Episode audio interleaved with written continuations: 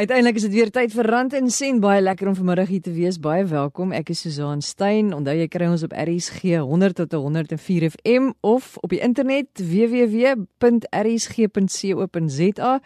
of heerlik op jou gemaklike rusbank voor die televisie op die DStv kanaal 813. Ons gaan vanmiddag gesels oor veranderinge in die korttermynversekeringsbedryf en ook die foute wat ons as verbruikers maak met ons korttermynversekering. Dan gaan ons voort met ons reeks saam met Delphine van Wyk. Sy bied programme aan vir klein sakeondernemings om hulle te help en vir entrepreneurs en ons het verlede week begin met die reeks oor die vier pilare waarop sy glo 'n suksesvolle besigheid rus. Dis leierskap, tydsbesteding, bemarking en finansies. Vanmiddag gaan ons gesels oor tydsbesteding en dan vra ek mos altyd vir luisteraars om vir my te skryf oor julle ervarings van geld sake, beleggings, foute wat julle gemaak het, lesse wat julle geleer het. Johan Rotman is so 'n luisteraar. Ons het 'n ruk gelede met hom gepraat oor 'n aandeleklub waarvan hy vir ons vertel het waar hy 'n groep vriende saam in aandele belê het. En vanmiddag praat hy oor sy ervaring of die lesse wat hy geleer het wat vir hom gewerk het. Ehm um, hy is reeds afgetree, lesse en goed wat vir hom gewerk het, uh, goed waarna hy goed kon belê het om uh, geld in te samel vir na sy aftrede. En ek moet net baie duidelik maak voordat ons met Johan gaan begin gesels hy is nie 'n finansiële adviseur nie. Hy is bloot 'n luisteraar wat vir ons sy ervarings deel. So jy kan luister daarna jy kan uh, uh kyk of dit vir jou gaan werk, maar onthou net hy is nie 'n professionele finansiële adviseur nie. Maar Johan gaan begin om vir ons te vertel waar 'n mens dan nou moet belê as jy nou dink aan beleggings. Net voor ek daarby kom, kan ek ook sê die lesse wat ek geleer het is maar goed wat ek vir my kinders ook sou vertel. Jy kan jonk wees en sonder geld wees want jy kan nog altyd werk of nuwe goed aanpak, maar jy kan nie eendag oud wees en sonder geld wees nie. Dan het jy 'n probleem. So spaar en belê terwyl jy jonk is. Die eerste prioriteit is ook moenie skuld maak om beleggings aan te gaan nie. Met ander woorde, verminder jou skuld of skakel skuld uit voordat jy begin dink en veral voordat jy begin dink aan aandelebeleggings. Moenie aandele op skuld koop nie. Los eers jou skuld af of vermy die skuld my tweede uh, voorstel waarna jy moet belê is om 'n groeiende bates te belê wat inkomste strome het, nie iets soos 'n geldmarkfonds nie. 'n Geldmarkfonds bied wel rente aan as 'n inkomste, maar die onderliggende bate groei nie. Jy kry wel rente op rente, maar dis nie 'n groeiende inkomste nie. Met ander woorde, dis maak nie voorsiening vir inflasie nie. 'n Groeiende bate is iets soos 'n aandeel byvoorbeeld wat vir jou 'n dividend opbrengs gee, maar wat ook groei in kapitaalwaarde. So oor tyd groei die bate en die opbrengs op die bate groei ooreenstemmend daarmee. Om te begin met aandele, weer eens vir 'n jong mens wil ek sê kry eers jou basis reg en die eerste goeie basis na my mening is 'n uittreë tyd. Dit skep baie goeie belastingvoordele, inkomstebelasting sowel as boedelbelastingvoordele. Dit forceer jou, dit beskerm die geld vir 'n lang tyd. So voordat jy met aandele op jou eie begin belê, kry jy uittreë tyd. Dit is ook gebaseer op aandele, maar dit is uh, meer, wel, dit het baie ander voordele soos wat ek nou net genoem het.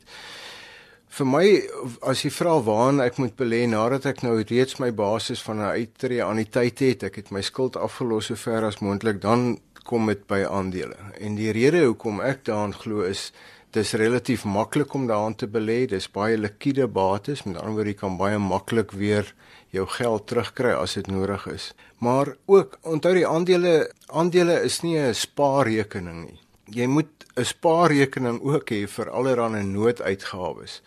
Jy kan dit nie uit jou aandele doen met ander woorde belê en dan sodra jy skielik geld nodig het, dink jy gaan dit gou weer onttrek nie. Alhoewel aandele daai se likwiditeit daai opsie bied.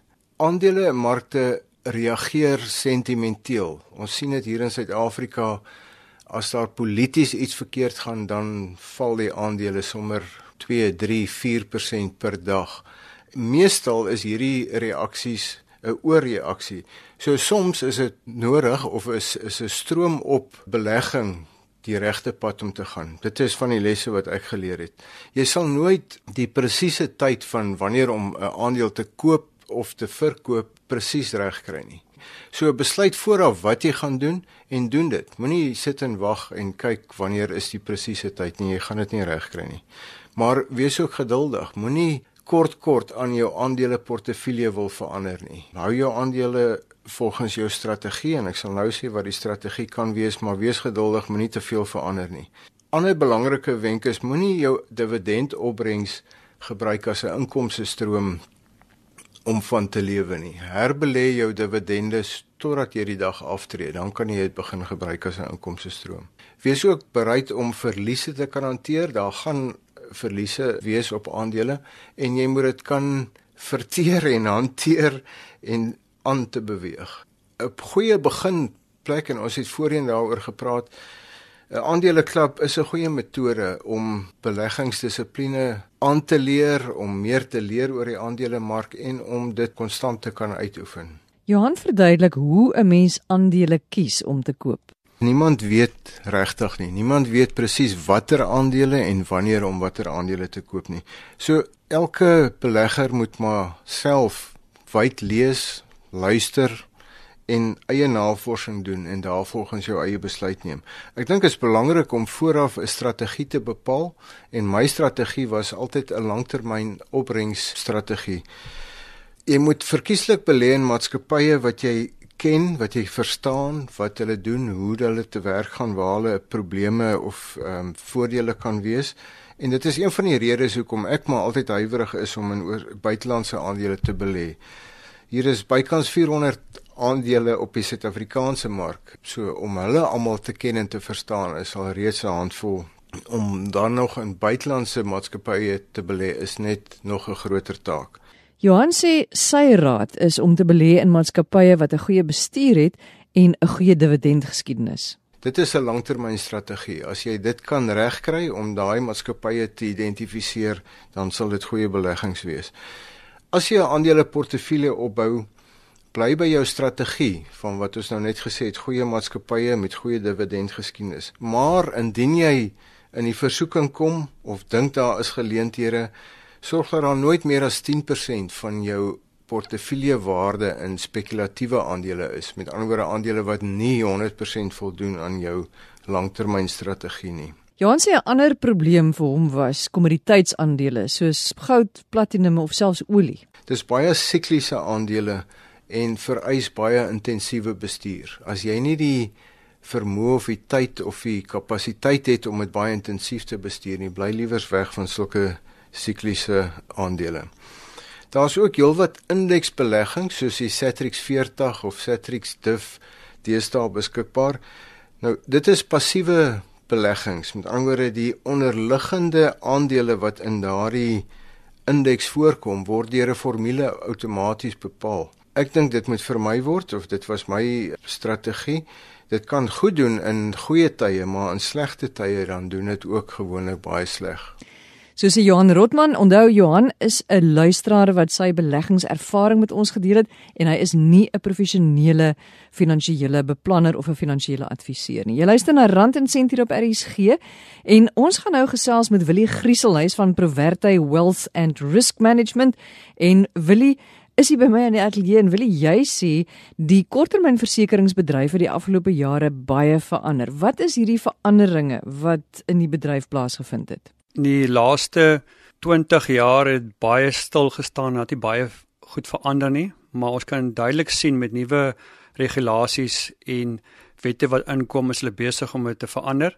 Ek voorsien dat in binne volgende jaar met nuwe wetgewing wat in plek gaan kom, gaan daar drastiese dinge verander, veral rondom die kommissie en die fooie wat makelaars verdien asook administratiewe fooie wat makelaars verdien op polisse om die administrasie te doen van die polisse. Dis nou juist daai fooie waaroor ons nou gaan waaroor ons gaan gesels want dit lyk my daar is baie soos wat julle sê konflik van belange in die bedryf.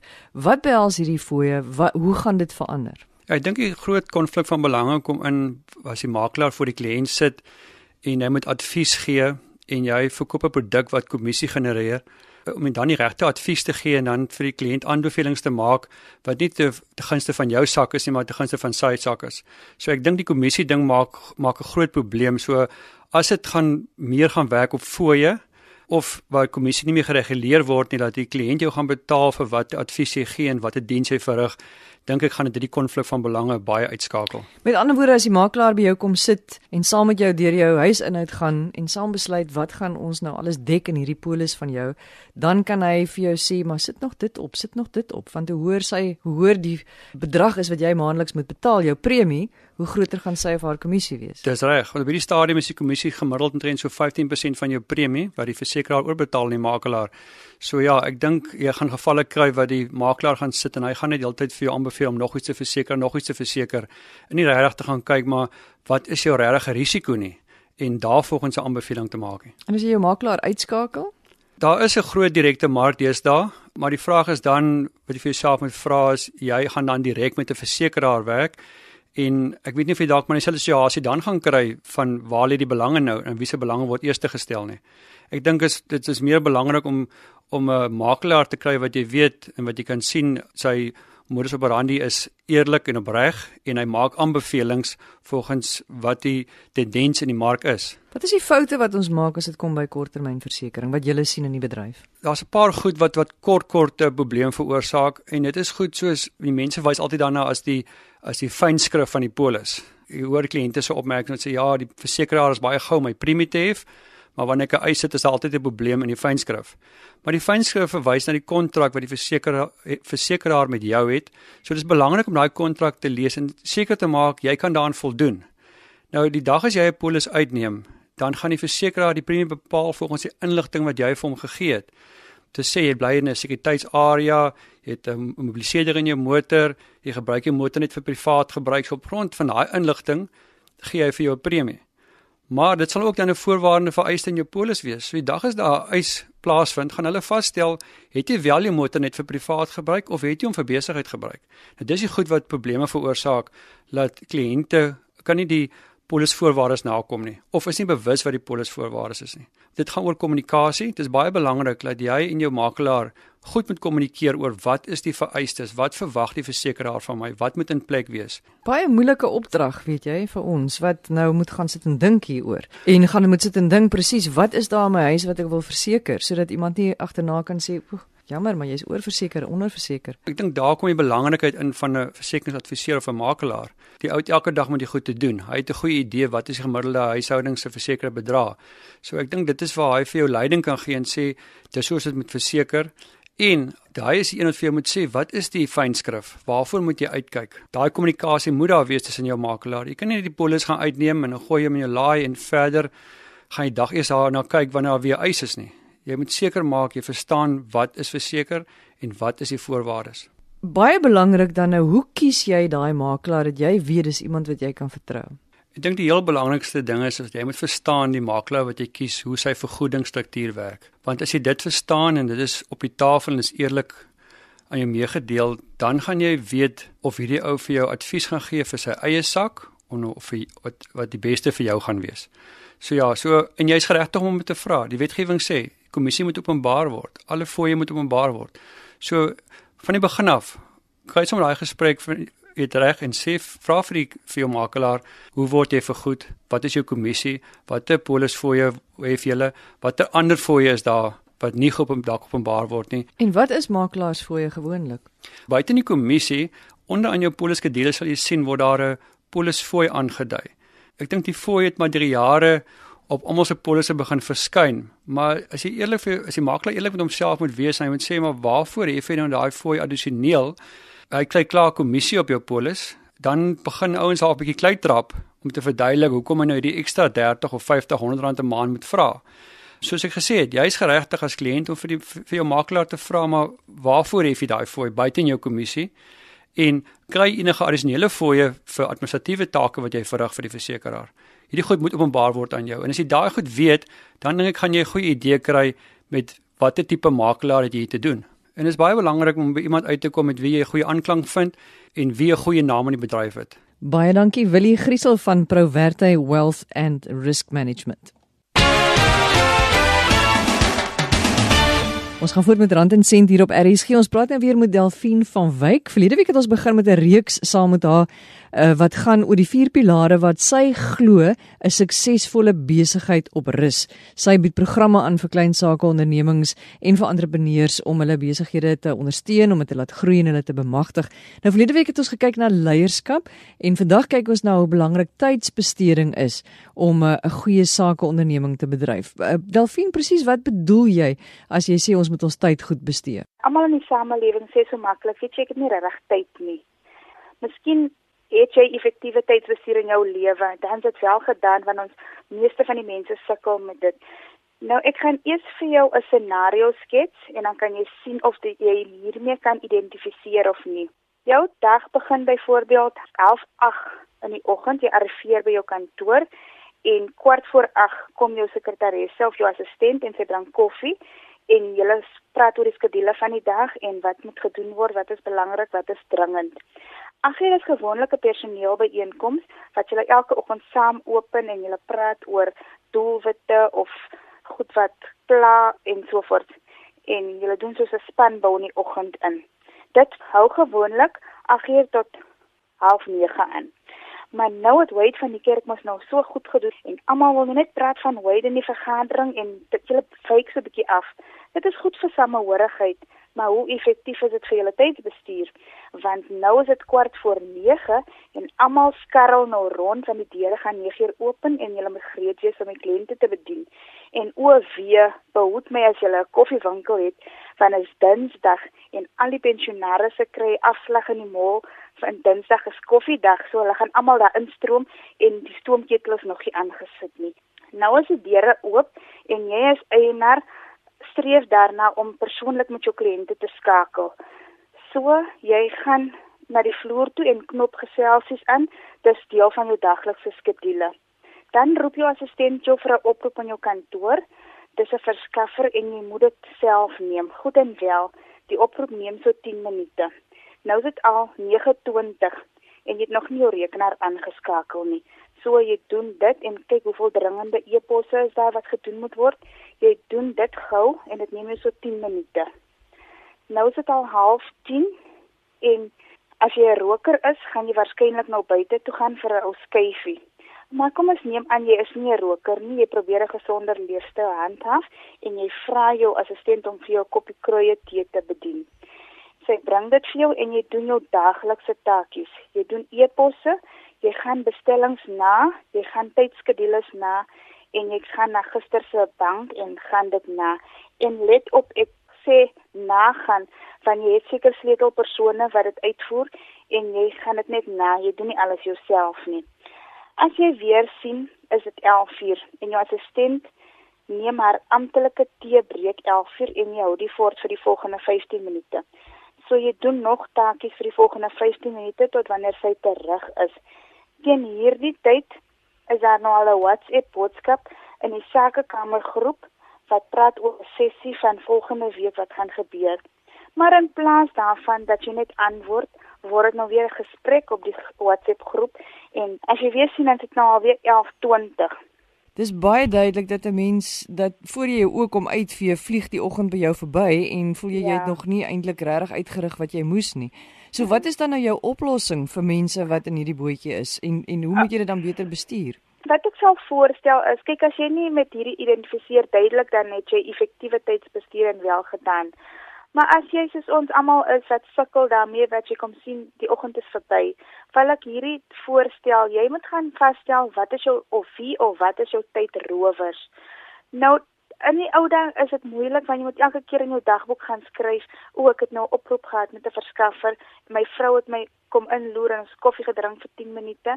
Maar nou met selfone almal het selfone is dit makliker. Op jou dagboek in jou selfoon is daar al reeds tyd gelewe aangedui.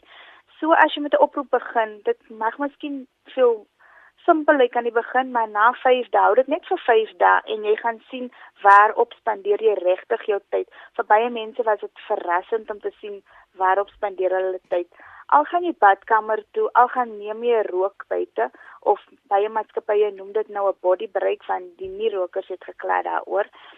Dui dit dan aan as jy 'n oproep doen en ek neem 10 minute, dui dit aan as jy met ete gaan, as jy na jou kind se wedstryd toe gaan, dit is alles reg, maar jy net aan dit het jou 2 ure geneem by jou kind se skool en aan die einde van 5 dae dan print jy jy kan dit vir jouself e-pos van jou foon af en dan print jy dit uit en dan kyk jy waar is jou tyd gesteel met goed wat miskien nie veel effektief bygedra het tot jou doelwitte vir die dag nie. Soos jy nou begin agterkom, daar is tydrowers in jou dag. Hoe gaan jy van dit ontslaa raak? Jy gaan nou bewus word van wat is jou tekortkominge en hierdie moenie 'n twispunt wees in jou besigheid nie. Jy is die eienaar en jy weet wat is jou doelwitte vir jou besigheid en waarna streef jy. So as jy weet wat is jou tydrowers, kan jy vir jou sticky notes maak oral om jou te herinner O, weet jy wat verlede week het was my koffiebreuke 1 uur te lank vir die week omdat ek geselsies aanknoop met almal wat koffie maak of as ek uitgaan en ek sê ek gaan gou vir my pastytjie kry, dan praat ek met almal in die mall en dit neem my 'n uur om terug te kom as ek die pastytjie gaan koop. So jy jy's nou bewus van wat is jou tekortkominge en jy gaan nou daarop let vir die volgende week. En dan kyk jy volgende week hoe gaan dit as jy aandag gee aan al daai goed wat jy self jou geïdentifiseer het. Delfien baie dankie. Baie interessant want ek dink jy hoef dit nie net op kantoor toe te pas nie, maar hierdie tydbestedingsprobleem of hierdie tydrowers is eintlik goed wat van almal van ons tyd steel. Dit was Delphine van Wyk en volgende week gaan ons dan kyk na die volgende pilaar in jou besigheid naamlik finansies. Dankie vir die saamluister julle. Onthou my e-posadres rsgrandencent@gmail.com. rsgrandencent@gmail.com. Ons groet tot groet tot volgende Sondag. Totsiens.